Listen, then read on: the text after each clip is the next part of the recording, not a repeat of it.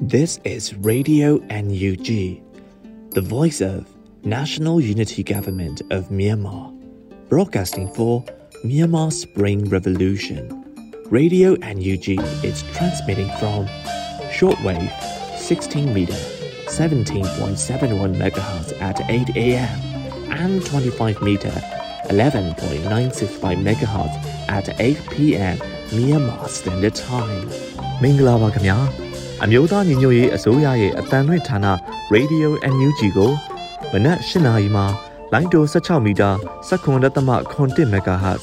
ညပိုင်း၈နာရီမှာလိုင်းတို25မီတာ17.665 MHz တို့မှာဓာတ်ရိုက်ဖမ်းယူနားဆင်နိုင်ပါပြီမင်္ဂလာအပေါင်းနဲ့ပြည့်စုံကြပါစေအခုချိန်ကစပြီး Radio NUG အစီအစဉ်တွေကိုဓာတ်ရိုက်အတန်လွှင့်ပေးနေပါပြီ။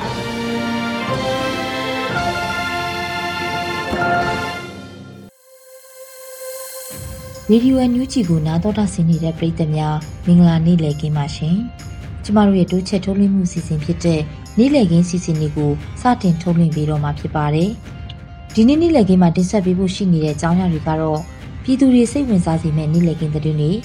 တော်လန်ရေးဆောင်ပါတော်လန်ရေးတေးဂီတာတို့နဲ့တူတခြားစိတ်ဝင်စားဖွယ်ရာစီစဉ်တွေကိုထုတ်လွှင့်ပေးဖို့ရှိနေတာဖြစ်ပါတယ်ရှင်။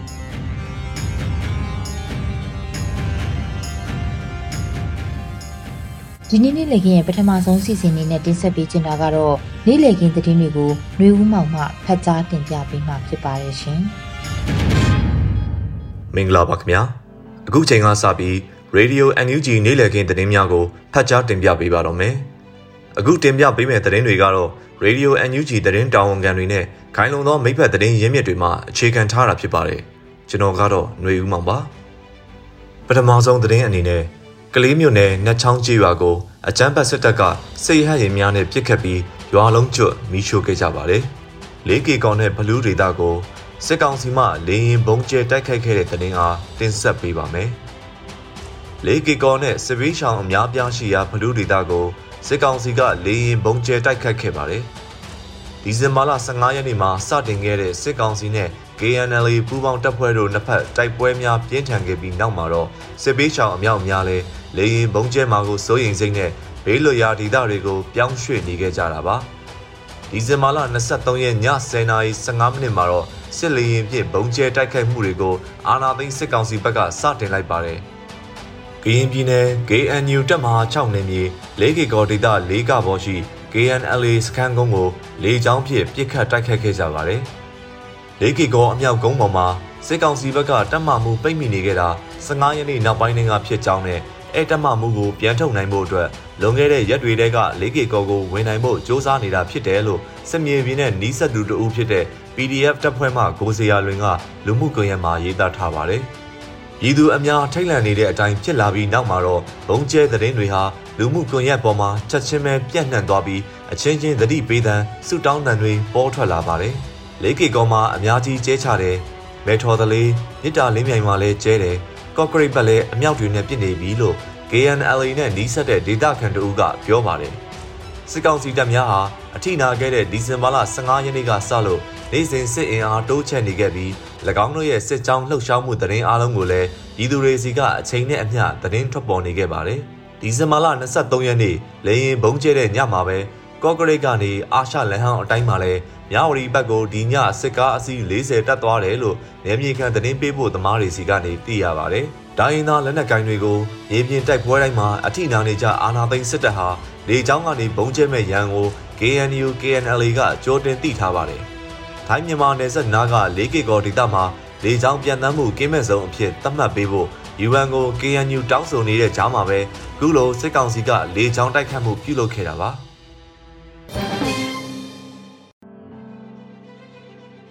ဒီဇင်ဘာလ23ရက်နေ့မှာစကိုင်းတိုင်းကလေးကံကောလမ်းပိုင်းရှိနတ်ချောင်းကြီးရွာမှာအကြမ်းဖက်စစ်ကောင်စီတပ်နဲ့ဒေသခံပြည်သူ့ကာကွယ်ရေးတပ်ဖွဲ့များကြားတိုက်ပွဲများပြင်းထန်ခဲ့ပါတယ်။ထို့နောက်မှာတော့မုံလွယ်ပိုင်းမှာ MI35B အမျိုးအစားတိုက်ခတ်ရေးရဟတ်ယာဉ်များရောက်ရှိလာပြီးရွာသူရွာသားများအပေါ်လေကြောင်းမှပစ်ခတ်တိုက်ခိုက်ခဲ့ကြပါတယ်။ထို့သောပစ်ခတ်မှုကြောင့်ဒေသခံကာကွယ်ရေးတပ်များဆုတ်ခွာစင်မှာပဲအာနာသိန်းတပ်များဟာညနေ9:00နာရီကျော်အချိန်မှစလို့ရွာလုံးကျွတ်မီးရှို့ခဲ့ကြပါတယ်။ လမ်းချောင်းမှာပိတ်မိနေသူတွေရှိတယ်။ထိကုန်ပြီးဘဘုံကြီးကျောင်းတွေပါထိကုန်ပြီအသေးပြောက်တော့မသိသေးဘူးဟုဒေသခံတို့ကအခင်းဖြစ်ပွားစဉ်နေ့ကပြောပါတယ်တိုက်ပွဲဖြစ်ပြီးတော့စစ်ကောင်စီဘက်ကစနိုက်ပါသမားတယောက်ဒီဘက်ကပစ်တာခံရပြီးသေးတယ်အဲ့ဒီမှာတင်လက်ချောင်းရွာတဲ့ကိုရဟတ်ရင်နဲ့ပစ်တော်တာပြည်သူအချို့ထိကြိုက်တာရှိတယ်လို့ကြားတယ်အတိအကျတော့မသိသေးဘူးဟုဒေသခံသတင်းရင်းမြစ်မှတဆင့်သိရပါတယ်။ နတ်ချောင်းကျေးရွာအတွင်းတို့ပြစ်ခတ်တိုက်ခိုက်ခဲ့သောအကြမ်းဖက်စစ်ကောင်စီရဲ့ MI-35B ရဟတ်ယာဉ်ဟာမွန်လွယ်3:15မိနစ်ကမှတော့ကလေးမျိုးလေးစိတ်ကိုဆင်းသက်ခဲ့ပါတယ်။ဒီဇင်ဘာလ22ရက်နေ့ကနတ်ချောင်းနတ်မြောင်းနဲ့ချောင်းကွာကျွော်တို့မှာရွာကန်တွေကိုဖမ်းဆီးစစ်ဆေးတာရိုက်နှက်တာတွေလုပ်ခဲ့ပြီးနောက်ဒေသခံ PDF တွေကဒီဇင်ဘာလ23ရက်နေ့မှာပြန်လည်ပြစ်ခတ်ခဲ့ရာကစပြီးအခုလိုဆေးရရင်တွေကိုအသုံးပြုလာတာပါ။ကလေးမျိုးနယ်တောင်ပိုင်းရှိနတ်ချောင်းနတ်မြောင်းချောင်းကွာကျေးရွာတွေမှာစစ်ကောင်စီတပ်တွေဟာ ပြီးခဲ့တဲ့ဒီဇင်ဘာလ9ရက်နေ့ကနေစပြီးဒီဇင်ဘာလ16ရက်နေ့အထိကျေးရွာဘုံကြီးကျောင်းများဘာသာရေးအဆောက်အအုံများမှာတက်ဆွဲနေခဲ့ပါသေးတယ်။ဒီဇင်ဘာလ16ရက်နေ့မှာတော့ကလေးကံကောလမ်းပေါ်ကကံကောမြို့နယ်အတွင်းရှိနှမ်းခါကျေးရွာကိုစေဟတ်ရင်နှစီးနဲ့ပြောင်းရွှေ့သွားခဲ့ကြတာလို့ဆိုပါတယ်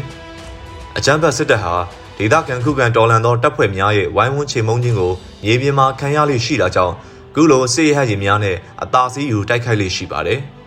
တပ်ပြောင်းရွှေ့သွားတဲ့ရဟတ်ရင်တွေဟာဒီဇင်ဘာလ22ရက်နေ့မှာပြန်လည်ရောက်ရှိလာခဲ့တာဖြစ်ပါတယ်။ဒီဇင်ဘာလ22ရက်နေ့ကလည်းစစ်ကောင်စီတပ်များဟာ၎င်းတို့တပ်ဆွဲနေတဲ့နက်ချောင်းစာတင်ကျောင်းထဲကနေပြီးရွာဘက်ကိုလက်နက်ကြီးတွေနဲ့ပစ်ခတ်မှုတွေလုပ်ခဲ့ကြပါသေးတယ်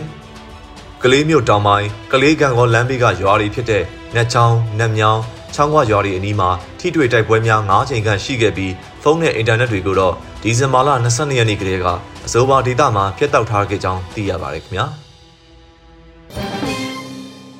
ဆက်လက်ပြီး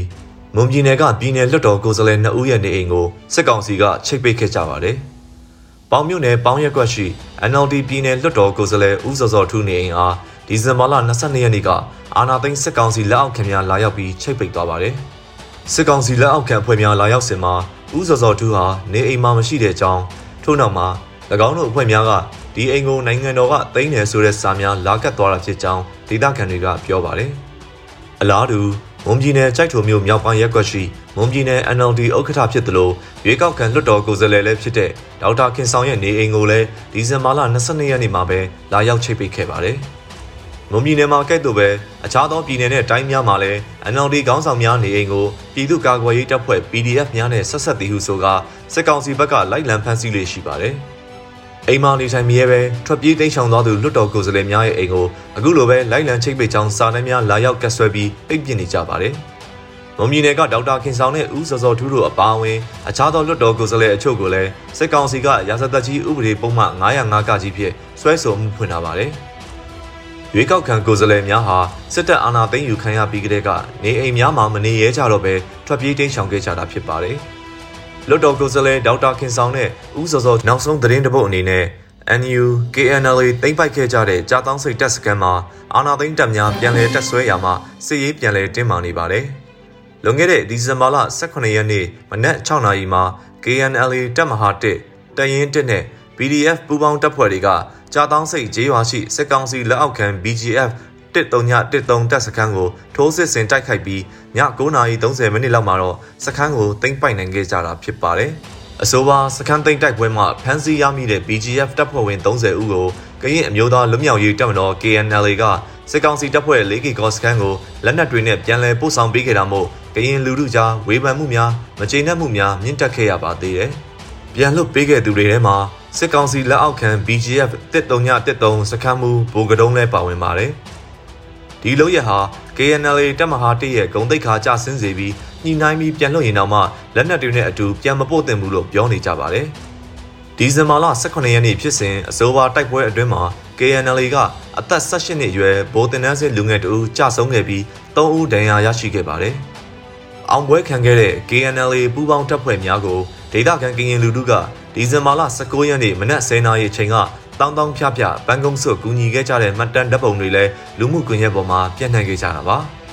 ခုတော့ KNL တွေတိမ့်ပိုက်မီရှို့ပစ်ခဲ့ကြရာကြာတောင်းစိတ်တပ်စခန်းကိုဒီဇင်ဘာလ22ရက်နေ့ညအချိန်ပိုင်းမှာစစ်ကောင်စီနဲ့ပူးပေါင်းတပ် BGF တို့ဟာအင်အား80ခန်းနဲ့ပြန်လည်တပ်ဆွဲလာနေပါပြီ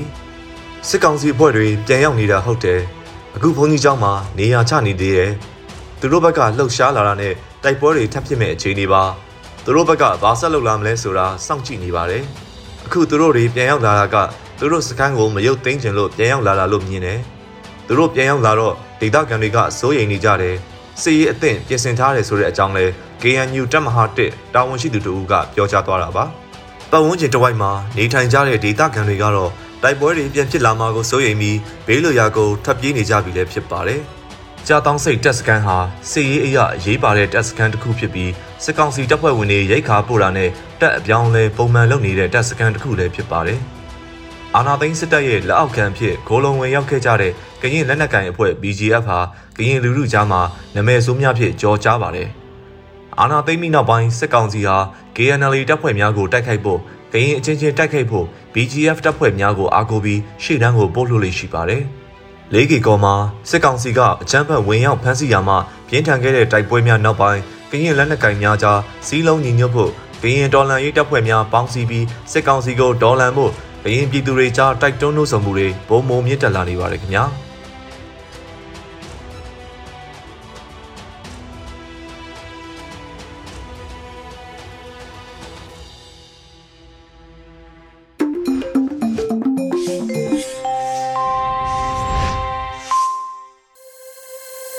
ဗီဒီယိုအန်ယူဂျီမှာဆက်လက်တင်ပြပေးနေပါတယ်။အခုဆက်လက်ပြီးနားဆင်ကြရမှာကတော့လူခွင့်ရေးဆိုင်ရာဝန်ကြီးဦးအောင်မျိုးမင်းရဲ့လွတ်လပ်စာယုံကြည်ကိုးကွယ်ခွင့်ကိုစာသင်ခန်းတွင်သင်ကြားခြင်းပိုင်းကားကိုနားဆင်ကြရတော့မှာဖြစ်ပါတယ်ရှင်။ဟုတ်ကဲ့ပါဆရာအရေးတော်ပုံအောင်မြင်ပြီးတဲ့အခါမှာတဲ့ Federal ပြည်ထောင်စုကြီးထူထောင်ဖို့အတွက်အခြေခံအခွင့်အရေးတွေပေါ်အခြေခံအုံးမြင့်တိစောက်နိုင်ဖို့အတွက်ဘယ်လောက်အတိုင်းအတာထိအာမခံချက်ရှိနိုင်ပါသလဲတဲ့ခင်ဗျာဒါပထမမိကွန်းမှာအဲ့တယောက်တည်းကပဲနောက်မိကွန်းတစ်ခုမိပါသေးတယ်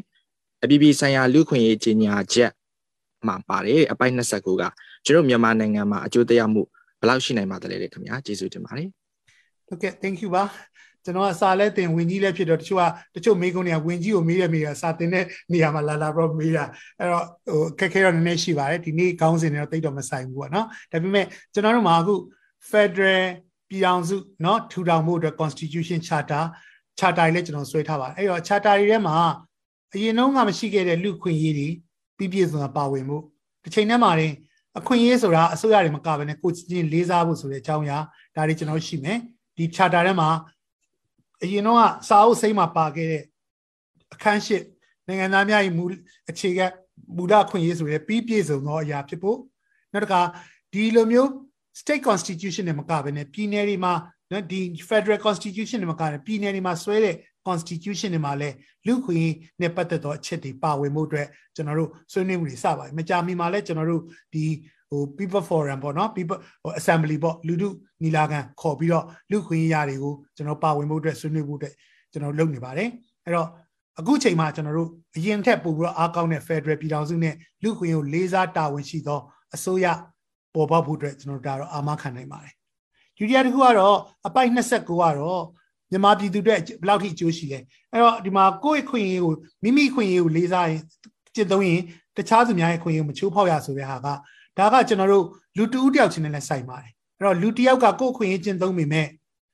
တခြားလူရဲ့ခွင့်ရေးမထိခိုက်ဘူးလေတူတယောက်ကလှုပ်ဆောင်မှုလိုအပ်တယ်တစ်ချိန်တည်းမှာပဲဒါမျိုးကိစ္စတွေကိုတတိပညာဟိုကိုယ့်ရဲ့ခွင့်ရေးကျင့်သုံးပြီးတော့မှလက်တွေကျွန်တော်တို့လှမ်းလိုက်တယ်ကိုကကိုလာអော်လိုက်တယ်လှမ်းလိုက်တဲ့အချိန်မှာသူများကိုအနှောက်အယှက်မဖြစ်အောင်တတိတရားနဲ့ထိန်းတဲ့ဟာမျိုး ကိုယ့်ရဲ့အပန်းဖြေနာယူမှုဆိုပြီးတော့တခြားသူတွေနှောက်ယှက်မဖြစ်တဲ့အတိစိတ်တက်တွေဖြစ်ဖို့ကတော့ကျွန်တော်တို့မလုပ်ရမလဲဆိုရင်တော့ပညာပေးမှုအရင်ရေးကြည့်ပါတယ်အစိုးရဥပဒေလိုက်ချလို့မရပါဘူးလူကိုယ်တိုင်ကကိုယ့်ရဲ့အကျင့်သီလနဲ့ထိန်းတာစီးမြင်အမိတ်နဲ့ထိန်းတာအဲ့နှစ်ခုကြားထဲမှာဟိုဓမ္မနဲ့လည်းဟိုကျွန်တော်တို့ဘယ်လိုပြောမလဲသီလနဲ့လည်းထိန်းမှုသီလနဲ့မထိန်းနိုင်တဲ့ချိန်မှာတော့ကျွန်တော်တို့ ဓမ္မနဲ့ပြန်ပြီးတော့เนาะအမိတ်ဥပဒေနဲ့ချုပ်ပြီးတော့ထိန်းကြီးဖို့အတွက်အဲ့ဒါတော့ကျွန်တော်လိုအပ်ပါတယ်လူတဦးတိုင်းတဦးတိုင်းပါဝင်နိုင်မှ29ကအောင်မြင်မှာဖြစ်ပါတယ်ဟုတ်ကဲ့ဟုတ်ကဲ့နောက်ထပ်ကျွန်တော်ဒီမှာဆက်ပြီးတော့ကျွန်တော်ပဲကြည့်သွားလိုက်မယ်နော်ဆရာမဖတ်ပြတော့ကျွန်တော်ဒီမှာကြည့်သွားရဆိုလွတ်လပ်စွာယုံယုံကြည်ကိုးကွယ်သင်ခန်းစာကိုဘယ်တန်းကစပြီးသင်ကြားဖို့ရှိလဲဆိုတော့အဲ့ဒါကတော့ MOE ကပို့ပြီးတော့ဖြေနိုင်ပါလိမ့်မယ်เนาะကျွန်တော်ကဒီ section ပဲဖြစ်တဲ့အတွက်ဒါပေမဲ့ လိုအပ်လို့ရှင်တော့ MOE နဲ့ MOHR ကတော့ပူးပေါင်းပြီးတော့လှုပ်ဆောင်မှာဖြစ်ပါတယ်နောက်တစ်ခုကတော့ကျောင်းသားတွေကိုဖျားရှိခိုးခိုင်းတာတဲ့ဒါယုံကြည်ကိုယ်ကိုယ်ခွဲခြားမှုဖြစ်စေနိုင်လားဆိုတော့ဒါခုနပြောသလိုဘာသာရေးရခိုင်းလို့ရပါတယ်ဒါပေမဲ့မခိုးရှိဘာသာတခြားဗုဒ္ဓဘာသာမဟုတ်တဲ့သူတွေဖျားရှိခိုးခိုင်းရင်တော့သူ့ရဲ့ယုံကြည်ကိုယ်ကွယ်နဲ့ဝိပုခွင့်ကိုတော့ထိခိုက်တဲ့အတွက်ဒါမျိုး ဖြစ်လို့တော့မရပါဘူးအဲ့တော့ဗုဒ္ဓဘာသာတွေဆရာကိုရှိခိုးတယ်ဖျားကိုရှိခိုးတယ်လို့ကျန်တဲ့ဘာသာဝင်တွေကသူ့ရဲ့ယုံကြည်ချက်အရာနော်စိတ်ငြိမ်ခြင်းအဖြစ်ဖြစ်ပါစေဆူတောင်းခြင်းအဖြစ်ဖြစ်ပါစေပုံစံမျိုးစုံနဲ့လှုပ်ဆောင်နေဆိုရင်တော့ခွဲခြားမှုမဖြစ်ပါဘူးဟုတ်ကဲ့နောက်တစ်ခုကတော့မတ်ကိုတီဟာဆိုကျွန်တော်နာမည် mention လုပ်လိုက်ပြီနော်ဟုတ်ပြီအဲ့တော့လူခွေချိုးပေါက်ခံတဲ့တိုင်းပြည်ကချိုးပေါက်ခံနေရရင်တိုင်းပြည်ထိရောက်နိုင်မှုအတွက်အရေးနိုင်မှုโอเค အဲ့တော့ကျွန်တော်လက်ရှိအခြေအနေကတော့ဒီမေကုံပြောမယ်ဆိုရင်အခုကာလကပြည်တွင်းမှာရှိရဲ့အုပ်ချုပ်ရေးကလည်းသူတို့တင်ထားတယ်တရားစီရင်ရေးကလည်းနော်စစ်တရားစီရင်ရေးဖြစ်နေတယ်စစ်အုပ်ချုပ်ရေးဖြစ်နေတယ်တရားဥပဒေပြုဖို့လွှတ်တော်ကလည်းမရှိအဲ့တော့သူတို့လှုပ်ချင်တိုင်းလှုပ်လို့ရတယ်အဲ့တော့ပြည်တွင်းမှာအခြေအနေကတော့တော်တော်ခက်ခဲနေတယ်ဒါပေမဲ့ကျွန်တော်တို့ကလူတိုင်းကကိုယ့်ရဲ့ခွင့်ရချိုးဖောက်ခံရရင်တခြားသူရဲ့တခြားလူခွင့်ရကိုတိုင်ကြားပိုင်ခွင့်ရှိရဆိုတော့နိုင်ငံတွင်းမှာ ဖြစ်နေတဲ့ရန်နေရရမကင်နိုင်တော့တဲ့အတွက်နိုင်ငံတကာရဲ့အကူအညီကိုယူပြီးတော့တရားရုံးတင်မှုဒီကိစ္စနဲ့ပတ်သက်တော့ပိတ်ဆို့မှုလှုပ်ဆောင်ပေးဖို့လှုပ်ဆောင်မှာဖြစ်ပါတယ်အဲ့တော့ကိုယ်တိုင်းပြည်မှာဖြစ်တဲ့အချိန်မှာတိုင်းပြည်တွေမှာမလုံနိုင်တဲ့အတွက်နိုင်ငံတကာအားကိုယူခြင်းကကျွန်တော်တို့ကပြည်ပအားကိုပစေယူမဟုတ်ပါဘူးကိုယ့်ရဲ့အခွင့်အရေးကိုရရှိနိုင်မှုကူညီနိုင်တဲ့သူကိုအကူအညီတောင်းပြီးတော့ပူးပေါင်းဆောင်ရွက်ပြီးတော့လက်ရှိအာဏာသိမ်းမှုစ조사နေတဲ့စစ်ရာဇဝတ်မှုတွေကိုကျွန်တော်တို့တားဆီးဖို့အတွက်ဖြစ်ပါတယ်။ Okay နောက်တစ်ခုကတော့ဘုံကြီးနဲ့ဘုံကြီးနဲ့ law ကိစ္စပေါ့နော်။ဟုတ်ပြီ။အဲ့တော့ဟုတ်ပါပြီ။အဲ့တော့ဒီအပိုင်းလေးကတော့ခုနပြောတဲ့အပိုင်း29နဲ့လည်းတော်တော်ဆိုင်ပါမယ်။ UDH မှာကိုယ့်ရဲ့ခွင့်ရချင်းသုံးခွင့်ရှိတယ်။လူတိုင်းကအလှူဒန်းလုပ်ပိုင်ခွင့်ရှိတယ်။နော်။နောက်တစ်ခါပြီးလို့ရှိရင်ယုံကြည်စွာကိုယ်ကိုယ်ကိုပိုင်ခွင့်ရှိတယ်။ဘာသာရေးပွဲတွေလှုပ်ဆောင်မှုရှိတယ်။အဲ့ဒါသူ့ရဲ့ right ဒါပေမဲ့သူ့ရဲ့ right ကသူ့ရဲ့ကျင့်သုံးမှုကဖျားဒီပွဲတွေမကတော့ဘဲနဲ့ညတစ်ချက်လုံးလော်တွေနဲ့ဖွင့်တဲ့အခါမျိုးမှာ တခြားသူအဲ့ဒီဒေတာတွေမှာရှိတဲ့အများပြည်သူထိခိုက်နိုင်တယ်တခြားဘာသာတွေအတွက်လည်းထိခိုက်နိုင်တယ်တခြားဘာသာမှမဟုတ်ကိုယ့်ချင်းချင်းကိုယ့်ဘာသာတော်မှာအာနော်စူညံလုံးအားကျလို့နေလို့မရတာဖြစ်နိုင်တဲ့အတွက် right ဆိုတဲ့ဘာသာရေးကျင့်သုံးခွင့်နဲ့ responsibility ဆိုတဲ့ရက်ယူအား agent လုံခြုံရေးအတွက်မထိအောင်ပြန်ပြီးတော့လှုပ်ဆောင်မှုလိုအပ်ပါတယ်အဲ့ဒီတော့ပထမအဆုံးကခုနကျွန်တော်ပြောသလိုနော်အသိစိတ်ပေါ့ ပွဲကျင်းပတဲ့လူကပွဲကျင်းပတာဘာလုပ်ဖို့လဲငါတို့ကာရာโอเคနဲ့စော်ကျင်း online អော်ဖို့ဆိုတဲ့စိတ်မျိုးမရှိဘူးအတွက်ဖြစ်ဖို့လိုအပ်တယ်တကယ်လို့များအဲ့လိုမျိုးအများပြည်သူအနားယူတဲ့အချိန်မှာဒါမျိုးကျင့်သုံးလာလို့ကျွန်တော်ရက်ကြီးစီကန်းနော် loud speaker စီကန်းနဲ့ပြန်လဲထိမ့်သိမ့်မှုလိုအပ်တယ်နောက်ဘုန်းကြီးတွေကိုယ်တိုင်ကလည်းနော်ကိုယ့်ရဲ့ပွဲတော်ကြောင့်တခြားလူအနှောက်အယှက်မဖြစ်ဖို့အတွက်နော်ဘာသာရေးခေါင်းဆောင်တွေကိုယ်တိုင်ကလည်းသိရှိနိုင်မယ်ဆိုတော့ဒါကအဆင်ပြေနိုင်ပါမယ်လက်ရှိမှာကတော့ကျွန်တော်တို့မှာကလောဆိုရင်အော်ကျင်ရတဲ့ အစင်လားနော်ကိုယ်အတန်ကိုကိုလူသိရှင်များထုတ်ပြကြတာအလှူအကြောင်းပြပြီးလှုပ်ဆောင်တဲ့စိတ်တွေရှိမယ်ဆိုတော့ပြဿနာတွေနဲ့အခက်အခဲရှိပါတယ်နောက်တစ်ခုကတော့လူခွေကြီးညာစာတန်းကနိုင်ငံနဲ့သက်ဆိုင်ပါလားသက်ဆိုင်ပါတယ်ကုလသမဂ္ဂအဖွဲ့ဝင်နိုင်ငံအားလုံးနဲ့သက်ဆိုင်ပါတယ်ဒါပေမဲ့ तू ကစာတန်းဖြစ်တယ်စာချုပ်မဟုတ်တဲ့အတွက်ဥပဒေရအရေးနိုင်ခွင့်တော့မရှိဘူးဒါပေမဲ့ကုလသမဂ္ဂအဖွဲ့ဝင်နိုင်ငံဖြစ်တာနဲ့ဒီပြိုင်နဲ့ဘယ်စာချုပ်ကိုလက်မှတ်ထိုးထိုးမထိုးထိုး ဒီစာတမ်းမှာပါတဲ့အချက်30ကိုလေးစားရမယ်လိုက်နာရမယ်တကယ်လို့များမလိုက်နာလို့ရှိရင်နိုင်ငံတကာကလည်းဒါကိုကျွန်တော်ဝိုင်းဝန်းပြီးတော့တားဆီးဖို့လိုအပ်တယ်လို့ဖော်ပြထားပါတယ် Okay အာနောက်တစ်ခုလာပါပြီနောက်တစ်ခုကတော့ခေါင်းဆောင်မွတ်စလင်တွေအတွက်ဘာသာရေးရခေါင်းဆောင်စောင်းခွင့်မပေးဆိုရင်ဟုတ်ပါပြီအဲ့တော့ဒီကိစ္စတော့ဟုတ်ပါတယ် uniform လည်းသူတို့ရှိတယ်သူတို့ကိုယ်တိုင်ကဝတ်ထားတယ်ဒါဘာသာရေးရဖြစ်တယ်ဆိုတော့ဒါသူတို့ရဲ့ ဟိုဒါလောက်ပိုင်ခွင့်မှာဒါပေမဲ့တချို့နိုင်ငံတွေမှာအမှလုံခြုံရေးရဒီဒီဘာသာရေးကောင်းဆောင်ပြီးတော့အကြမ်းဖက်တဲ့အရာမျိုးရှိလို့ရှိရင်တော့ဒါမျိုးတွေကိုကျွန်တော်တို့လိုအပ်ချက်ရအမိန့်ထုတ်ပြီးတော့တားဆီးရဲ့သဘောမျိုးရှိပါတယ်အမှန်တော့ဒီဘာသာရေးမှာကျောင်းတက်တဲ့ထဲမှာမွတ်စလင်ကျောင်းသူတွေကဘာသာရေးရဝတ်ဆင်ရတယ်သူယုံကြည်ချက်ကြောင့်ဝတ်ဆင်တယ်ဒါမျိုးဆိုရင်တော့ကျွန်တော်တို့ကဟိုဒါပိတ်ပင်လို့ကျွန်တော်တို့မသိပါဘူး ဒါပေမဲ့သူနဲ့တခြားចောင်းသားတွေနဲ့ဟိုကြားထဲမှာယုံကြည်မှုရှိလာရင်ဒါဖွင့်လာတယ်သူကိုယ်တိုင်ကဒါကိုဟိုအများအတွက်เนาะဖွင့်ပြီးတော့ပြောဆိုသင့်တယ်ဆိုတဲ့ပုံစံမျိုးဖြစ်လာတဲ့စိတ်မျိုးတော့ကျွန်တော်တို့ဒါကိုခွင့်ပြုပေးရပါလိမ့်မယ်ဟုတ်ပြီဘာသာရေးတွေကိုအခြေခံတင်တဲ့ဟာမျိုးဟုတ်ပါပြီအဲ့တော့ကျွန်တော်တို့မှလေဘာသာရေးဆိုပြီးတော့လွတ်လပ်စွာယုံကြည်ကိုးကွယ်ခွင့်ဆိုတီးတန့်ကြီးအခြေခံမှာသင်စရာမလိုပါဘူး ဒါကဘာလို့ဆိုဘာသာကြီးတရက်နဲ့သင်စရာမလိုဒါပေမဲ့ကျွန်တော်ပြောနေတဲ့လူမှုလူမှုသိပ္ပံတို့လူမှုရေးသင်ခန်းစာတို့အဲ့ဒီမှာဘာသာကြီးနဲ့ပတ်သက်တော့ကွဲပြားမှုရှိရဲ့အကြောင်း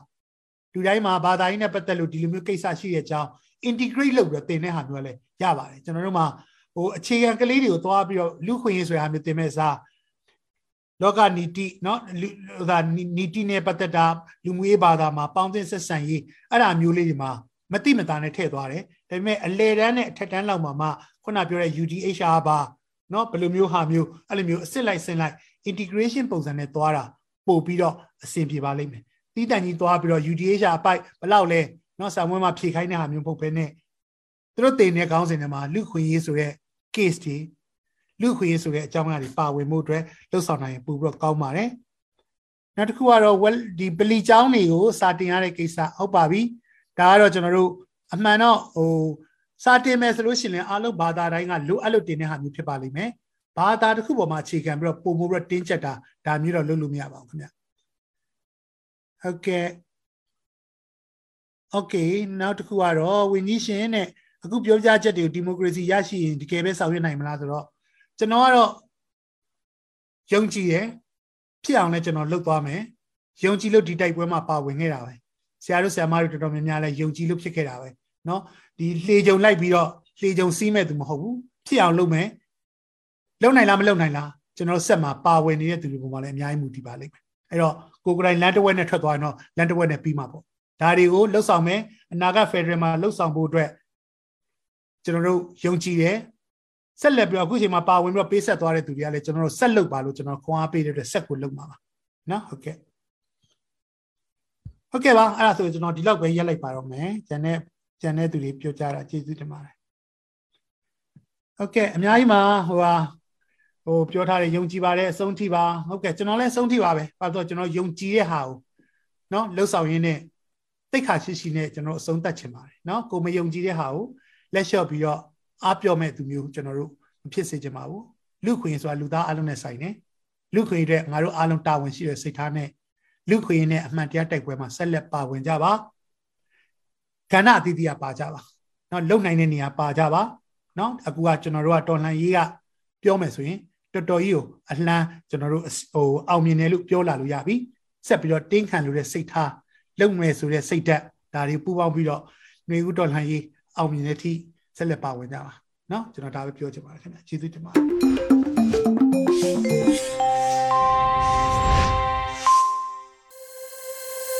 ဒီနေ့နေ့လည်ခင်းရဲ့တော်လန်ရေးတေးဂီတာအစီအစဉ်မှာစကိုင်းတိုင်းဒေသကြီးရင်းမပင်ခရိုင် B21 PDF တို့ရဲ့စစ်ချီတေးကိုနားဆင်ကြရတော့မှာဖြစ်ပါတယ်ရှင်။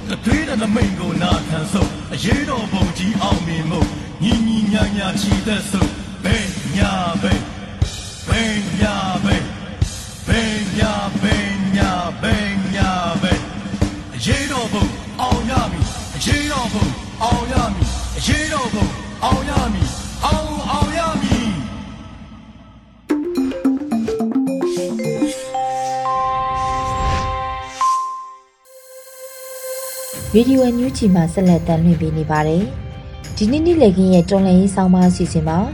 ခရစ်စမတ်ကိုဒုက္ခသည်စခန်းတွေမှာဖျက်ဆီးရမယ့်ခရိယန်ပြည်သူတွေဆိုတဲ့ဝမကသတင်းမြင်ကွင်းဆောင်းပါးကိုတော့အေရီကဖတ်ကြားတင်ပြပေးထားပါတယ်ရှင်။ခရစ်စမတ်ကိုဒုက္ခသည်စခန်းတွေမှာဖျက်ဆီးရမယ်ခရိယန်ဘာသာဝင်ပြည်သူတွေမြန်မာနိုင်ငံမှာတိုင်းသားလူမျိုးတွေအနက်တချို့ကခရိယန်ဘာသာဝင်တွေဖြစ်ပါတယ်။ ကချင်၊ကယား၊ချင်းနဲ့ကရင်ပြည်နယ်တွေမှာနေထိုင်ကြသူအများအပြားကခရိယန်ဘာသာဝင်တွေဖြစ်ကြပါတယ်။ခရိယန်ဘာသာဝင်တွေအဖို့ခရစ်စမတ်အခါသမယဟာတစ်နှစ်တာလုံးမှာဘာသာရေးအရာတန်မိုးအထားရဆုံးအခါသမယဖြစ်ပြီးအဲ့ဒီလိုအခါသမယမှာမိသားစုဝင်တွေစုံတွေ့ကြတာလည်းဖြစ်ပါတယ်။ကချင်ပြည်နယ်မှာဆယ်စုနှစ်ချီရက်ဆိုင်နေခဲ့တဲ့တိုက်ပွဲတွေ 2011ခုနှစ်ဇွန်လကပြန်လည်စတင်လိုက်ပြီးတဲ့နောက်ကချင်ပြည်နယ်နယ်စပ်တွေနဲ့မြို့တွေပေါ်မှာစစ်ပေးရှောင်စခန်းတွေစတင်ထွက်ပေါ်လာခဲ့တာအခုဆိုရင်ဆယ်စုနှစ်တခုရှိနေပြီဖြစ်ပါတယ်။ဒုက္ခသည်စခန်းကခရိယန်ဘာသာဝင်တွေအဖို့ခရစ်စမတ်ကိုမိမိတို့နေအိမ်မဟုတ်တဲ့ဆေဘေပတ်လည်လိုအခန်းလေးတွေရွက်ပြင်တဲလိုနေရာတွေမှာဖြတ်တန်းခဲ့ကြရတာအခုဆိုဆယ်စုနှစ်ကိုကျော်လွန်ခဲ့ပြီဖြစ်ပါတယ်။ မြကြီးနားမြို့ပေါ်ကဒုက္ခသည်စခန်းလိုမျိုးနမ်ခမ်းမြို့နယ်တွေကနန်ဝင်းကြီးကဒုက္ခသည်စခန်းအစရှိတဲ့ဒုက္ခသည်စခန်းကခရိယန်ဘာသာဝင်တွေအမျိုးမျိုးသောလူမျိုးစုတွေအဖို့ခရစ်စမတ်ကာလာတိုင်းမှာဝေချမ်းပေးတဲ့ရိတ်ခါကိုမျှော်လင့်ပြီးအသက်ရှင်နေထိုင်ရတာမျိုးမဟုတ်ပဲသူတို့ရဲ့နေအိမ်ဒီမှာငင်းချက်နဲ့အခြေအနေနဲ့မိမိရဲ့လုပ်အားနဲ့စိုက်ပျိုးမွေးမြူလို့ရတဲ့ရိတ်ခါကိုဂုံတိတ်ခါရှိစွာနဲ့စားတော့ရှင်တန်ရတဲ့ဘဝမျိုးကို ပြန်လည်တန်းတနေမိကြမှာမလွဲပါဘူး။ကချင်ပြည်နယ်ကဆယ်စုနှစ်တခုကြာစစ်ဘေးရှောင်နေကြရသူတွေသူတို့ရဲ့နေအိမ်တွေကို10နှစ်10နှစ်6နှစ်အစရှိသဖြင့်တစ်ခေါက်မှပြန်ကြည့်ခွင့်မရသူတွေမိသားစုတွေအများအပြားရှိနေချိန်မှာ2021ခုနှစ်ဖေဖော်ဝါရီလ1ရက်နေ့နောက်ပိုင်းအလားတူမိမိတို့နေအိမ်တွေကိုစွန့်ခွာပြီးစစ်ဘေးရှောင်နေရသူတွေတောင်းနဲ့သိန်းနဲ့ချီထက်မှန်ထွက်ပေါ်လာခဲ့ပြန်ပါတယ်။ ကယားပြည်နယ်မှာစစ်ဘေးရှောင်နေရသူတွေတောင်းနဲ့ချီရှိသလိုချင်းပြည်နယ်မှာလည်းတောင်းငနန်းသိန်းငနန်းချီရှိလာနေပါပြီ။ကယားပြည်နယ်ကတိုင်းသားအများစုကခရီးယန်ဘာသာဝင်တွေဖြစ်ကြပြီးရိုက်ကောဒီမော့ဆိုနဲ့ဖားဆောင်အစရှိတဲ့ဒေသတွေမှာနေထိုင်ကြသလိုမေလာလောက်ကစလို့တိုက်ပွဲတွေဖြစ်နေတဲ့နေရာတွေဖြစ်တဲ့ဒီမော့ဆိုမိုးပြဲနဲ့ရိုက်ကောတဝိုက်ကလူနေအိမ်တွေမိရှို့ခံရတာ တန်မိုးရှိတဲ့ပစ္စည်းတွေယူဆောင်ခံရတာပျက်စီးခံရတာတွေမကပဲဖျားเจ้าနေတော်လက်နက်ကြီးထိမှန်ပျက်စီးတာတွေဖြစ်ပျက်ခဲ့တာပါအခုလိုကာလမှာလူတွေစွန့်ခွာထွက်ပြေးနေကြရတဲ့ကြေးရွာတွေမြို့တွေကဖျားเจ้าတွေကိုလည်းဘယ်သူမှတက်ရောက်နိုင်ကြမှာမဟုတ်ပဲခေါင်းလောင်းတန်လေးကြားရမှာမဟုတ်ပဲစစ်ပေးရှောင်စခန်းကမိုးကတဲတွေထဲမှာတောတွေတောင်တွေထဲမှာ ဖြတ်တန်းကြရမယ့်အခြေအနေဖြစ်ပါတယ်။ဖျားပြည်နယ်ပြီးတဲ့နောက်စိတ်မကောင်းစရာနောက်နေရဒေသတစ်ခုကတော့တလောကမြို့နေသူတွေစွန့်ခွာသွားတဲ့ထန်တလန်မြို့ကိုစစ်ကောင်စီကမီးရှို့လို့အင်ဂျီ300ထက်မနည်းမီးလောင်ခဲ့ကြရသူတွေရဲ့နေရာကိုဝင်ရောက်ခန်းစားကြည့်မယ်ဆိုရင်အရင်နှစ်ကခရစ်စမတ်မှာမိမိတို့ရဲ့နေအိမ်တွေမှာမိသားစုစုံလင်စွာနဲ့ကျင်းပနိုင်ခဲ့ကြပေမဲ့ အခုနှစ်ခရစ်စမတ်မှာတော့နေအိမ်တွေမီးလောင်ဆုံးရှုံးမိသားစုဝင်တွေကစေဘေးရှောင်စခန်းတွေမှာခိုလုံရင်ခရစ်စမတ်အခါသမယကိုကြော်ဖြတ်ကြရမှာဘယ်လောက်ထိကြေကွဲပွဲဖြစ်မလဲဆိုတာမှန်းဆကြည့်ရုံနဲ့သိနိုင်ပါတယ်။ကရင်ပြည်နယ်မှာလည်းဒီဇင်ဘာလ15ရက်နေ့ကမှပြန်လည်အရှိန်မြင့်တက်လာတဲ့တိုက်ပွဲတွေကြောင့်လူထောင်နဲ့တောင်းနဲ့ချီဒုက္ခသည်တွေတင်းရှောင်ရာနေရာတွေထိုင်းနိုင်ငံဘက်ကယာယီစခန်းတွေမှာခိုလုံနေကြရပါတယ်။အဲ့ဒီဒုက္ခသည်တွေထဲမှာလည်း ခရိယန်ဘာသာဝင်အများအပြားပါရှိမှာမို့ခရစ်စမတ်အခါသမယကိုတောင်ရင်းမြစ်နဘေးကတော်တဲ့ရှို့ထဲမှာအမိုးသာကောင်းကောင်းရှိပြီးအကာမရှိတဲ့ယာယီစခန်းတွေမှာဖြတ်တန်းကြရမှာဖြစ်ပါတယ်။ဒီလိုစစ်ဘေးရှောင်တွေရဲ့ခရစ်စမတ်အခါသမယအကြောင်းပြင်နေ့စဉ်သတင်းတွေထဲမှာတော့အခုရက်ပိုင်းအတွင်းခဖားကန်ကဒုတိယအကြိမ်မြေစာပုံပြိုကျတဲ့သတင်းဖြစ်ပါတယ်။အခုတစ်ကြိမ်ပြိုကျမှာတော့ လူ90ကနေ80ကျော်အထိပါသွားနိုင်တယ်လို့ခံမှန်းပြောဆိုနေကြပြီးဒီဇင်ဘာလ22ရက်နေ့ညနေအထိတော့ပေဆုံးသူရုပ်လောင်းတလောင်းသာဆယ်ယူရရှိသေးတယ်လို့ဆိုပါတယ်။ဖားကန်ဟာမြန်မာနိုင်ငံရဲ့တယံဇာတကျင်းစာလို့တချို့ကဆိုကြပါတယ်။ပညာရေးနဲ့ကုန်ထုတ်လုပ်မှုနဲ့ဒါမှမဟုတ်ဝန်ဆောင်မှုနဲ့လူများကအသက်ရှင်တန်ဖွံ့ဖြိုးအောင်လုပ်ဖို့စိန်ခေါ်မှုတွေရှိနေတဲ့နိုင်ငံအနေအထားမှာတဘာဝကပေးတဲ့တယံဇာတကို အလွန်အကျွံထုတ်သုံးမှုလှုပ်ဆောင်ကြရင်စီးကျက်မှုကြက်မှတ်မှုမရှိတဲ့နေရာဒေသတစ်ခုဖြစ်ဘေးအန္တရာယ်တွေနဲ့လူလုအန္တရာယ်တွေမျိုးစုံကြောက်ရောက်နိုင်တဲ့ဒေသတစ်ခုနေရာတစ်ခုဖြစ်နေစေတဘာဝကပေးတဲ့တယံဇာတကိုထုတ်နိုင်သမျှထုတ်ယူဖို့စ조사နေကြဆဲဖြစ်တယ်လို့အခုလိုနိုင်ငံရေးအခြေအနေတွေမှာဒီလိုမတည်ငြိမ်နေတဲ့အနေအထားမျိုးမှာအခွင့်ကောင်းတစ်ခုဖြစ်ယူဆပြီးပုံမှန်အချိန်ထက်ထုတ်ယူသုံးစွဲနေကြတာလည်းဖြစ်ပါတယ်။ တယံဇာတရဲ့ကျိန်စာနဲ့လက်နက်ကိုင်ပြိပခရဲ့တက်ရောက်မှုနှမျိုးစလုံးတွေ့နိုင်တဲ့နေရာကဖားကန်ဒေတာလို့ဆိုရင်မှားမယ်မထင်ပါ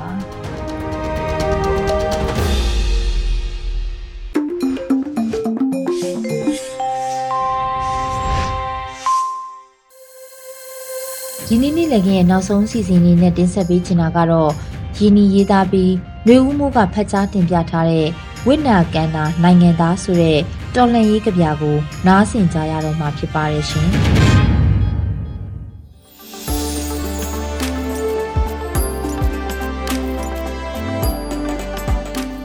ဝတ်နာကန်နာနိုင်ငံသားလက်တွေ့ဘဝအကြောင်းစဉ်းစားရင်ငါလက်တွေငါပြန်ကြည့်တော့အေးခွန်လေးတွန့်နေပြီတန်တရားဆိုတာခဏထားတန်ရောစင်တွေနဲ့ လုံချလိုက်နေတော့ငါအပိဓမ္မာလက်ခလဲအစ်စ်လေးနာနေတယ်လူတယောက်ဟာမှားတတ်ပါတယ်မှားတာပြဿနာမဟုတ်လူပတ်ဝန်းကျင်ကိုမယုံမှာဘူးဆိုရင်ပေါ့ဖောက်ထားတဲ့ခံစားမှုတွေဝဲပြန်လာတဲ့နာကျင်မှုပြေးထွက်လို့မရတဲ့ခြေလှမ်းကြမ်းကြမ်းရှရှခိုက်ခံရတဲ့သူတွေထဲကတယောက်နှာစီးတက်တဲ့ဆောင်းရသည်မှာဗစက်ပိတ်ထားတာ မြုံနေတဲ့မီးတောင်တစ်ခုရဲ့တဘာဝရေစရာတွေကိုရေပါတယ်ပျော်စရာတွေမတွေ့တဲ့နောက်တစ်ပင်တွေကိုရေလောင်းတာမိစ္ဆာဒူဝအလှုပ်အရာရာဟာဖုတ်ပူမီးတိုက်ပါပဲခန္ဓာကိုခွဲမရတော့စိတ်ကိုခွဲစကားနေတာအနေအထားဒုက္ခကိုတေးလို့ဆိုရတဲ့အခါခွေးကိုမကြင်နာနိုင်တာနားလဲပါပြက်စကားဆိုတာအတိတ်ရဲ့နောက်ဆက်တွဲ လက်ချင်းမြဲရင်စိုက်ခက်ပြီးတဲ့အပင်ကိုအတူရိတ်သိမ်းခြင်းနဲ့